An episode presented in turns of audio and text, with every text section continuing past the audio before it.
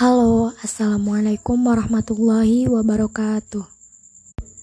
Perkenalkan nama saya Maulidia dari Prodi Ekonomi Pembangunan Fakultas Ekonomi dan Bisnis Universitas Jana Badra. Hmm, pada kesempatan kali ini, saya akan menjawab soal UAS nomor 7 mata kuliah perencanaan pembangunan. Baik, langsung saja saya akan menjawab pertanyaannya. Visi dan misi saya lima tahun ke depan yaitu uh, sebelum lima tahun ke depan saya udah lulus sarjana, kemudian mendapat pekerjaan yang layak, lalu menjadi muslimah yang baik. Dengan misi berusaha mengerjakan tugas baik mungkin, uh, menggunakan waktu belajar sebaik mungkin, kemudian berusaha mencari info lowongan kerja dan meningkatkan skill, kemudian menunaikan kewajiban sebagai seorang Muslim. Selanjutnya yaitu visi, misi, dan sasaran pembangunan di kota Cirebon. Visinya yaitu terwujudnya kota Cirebon sebagai kota yang religius, aman, maju, aspiratif, dan hijau atau ramah pada tahun 2018. Misinya yaitu mewujudkan aparatur pemerintahan dan masyarakat kota Cirebon yang religius, lalu meningkatkan integritas dan profesionalisme aparatur serta merevitalisasi kelembagaan yang efektif dan efisien menuju tata pemerintahan yang baik, amanah, bersih, dan bebas dari KKN. Kemudian meningkatkan kualitas keamanan dan ketertiban umum, lalu meningkatkan kualitas sumber daya kota Cirebon dalam bidang pendidikan, kesehatan, ekonomi, dan sosial untuk kesejahteraan masyarakat, serta meningkatkan peran serta masyarakat dalam pembangunan dan meningkatkan kualitas keseimbangan dan pelestarian lingkungan hidup. Yang sasarannya adalah meningkatkan nilai keimanan dan ketakwaan pada aparatur pemerintahan, meningkatkan kualitas sarana prasarana, prasarana keagamaan, lalu terwujudnya prestasi kota Cirebon dalam bidang keagamaan, kemudian terpeliharanya suasana kerukunan hidup antar umat beragama yang harmonis dan saling menghargai terhadap ajaran agamanya masing-masing. Lalu selanjutnya, terwujudnya aparatur daerah yang memiliki integritas dan profesional, kemudian terwujudnya tertib administrasi keuangan SKPD,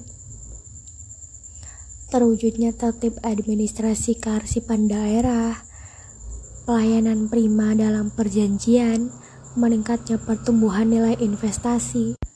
Lalu sasaran selanjutnya yaitu terwujudnya persatuan dan kesatuan dalam Bhinneka Tunggal Ika serta terwujudnya masyarakat yang sadar hukum, lalu menurunnya tingkat pelanggaran perda dan terwujudnya RW K3.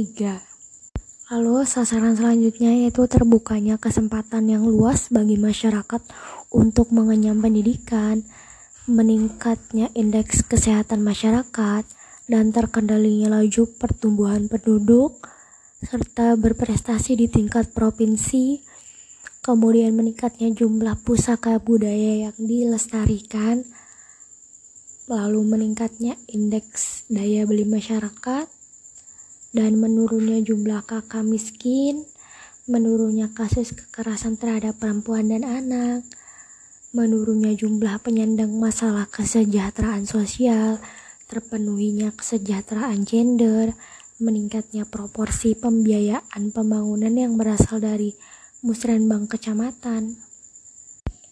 Dan sasaran selanjutnya itu meningkatnya luasan dan kualitas ruang terbuka hijau publik dan privat serta areal pemukiman. Kemudian terjaganya kelestarian fungsi lingkungan hidup, meningkatnya pengelolaan sampah dan sumber sampah secara terpadu dan berwawasan lingkungan serta peningkatan kapasitas TPA, lalu tersedianya kualitas jaringan jalan dan jembatan yang mendukung akselerasi pergerakan masyarakat, dan sebagainya. Dan dari visi misi dan sasaran kota Cirebon ini sudah memenuhi kriteria SMART karena telah menyebutkan dengan jelas data dan kemudahan akses untuk mendapatkannya. Kemudian indikator yang didapat juga dapat terukur baik secara kuantitatif atau kualitatif. Kemudian memperhitungkan kemampuan unit pelaksana dalam mencapai target kinerja yang ditetapkan lalu berada dalam rentang kendali atau pertanggungjawaban akuntabilitas unit kerja yang bersangkutan. Lalu kemudian relevan. Eh, selanjutnya itu mempertimbangkan rentang atau periode waktu pencapaian untuk analisa perbandingan kinerja dengan masa-masa sebelumnya.